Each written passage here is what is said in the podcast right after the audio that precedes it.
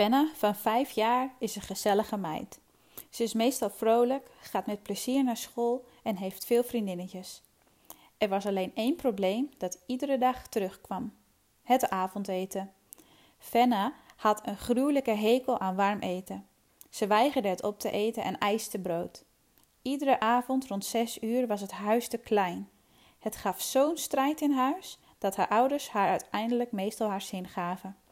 Moeder Sjoukje vertelt hoe ze met hulp van een pedagoog dit patroon wist te doorbreken. Van jongs af aan vindt Fenna brood heerlijk.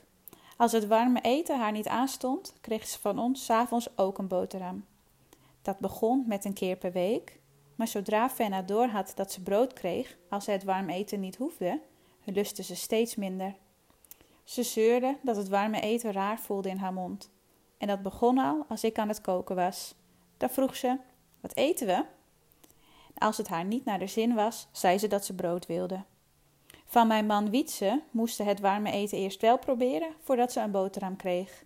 Dat was een drama. Die negatieve sfeer aan tafel vond ik zo vervelend. Ik had liever dat Fenna een boterham at dan niets. Ik besefte wel dat het niet goed was dat wij toegaven aan haar eisen, maar ik wist gewoon niet hoe ik het op moest lossen. Ik werd er soms wanhopig van. Wietse zei dat het een fase was en dat Fenna daar vanzelf overheen zou groeien, maar ik was de dagelijkse strijd zo zat en wilde graag hulp. Daarom heb ik het met de schoolarts besproken en hij raadde me de pedagogische thuisbegeleiding aan.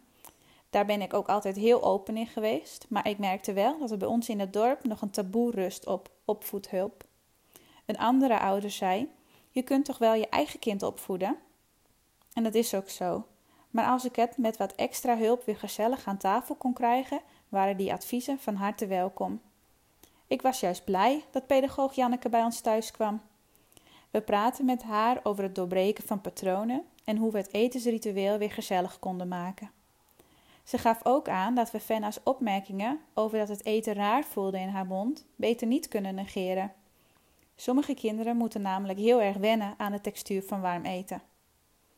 De volgende ochtend gingen we met Jannekes adviezen aan de slag. Ik legde Fenna uit dat we s'morgens en smiddags brood eten, dat we s'avonds warm eten en dat er dan dus geen brood is. De eerste avond dat ze haar zin niet kreeg, was een ramp. Fenna was boos, huilde en schreeuwde alles bij elkaar. Ze pakte brood uit de vriezer, gooide het op tafel en riep: Er is wel brood, er is wel brood.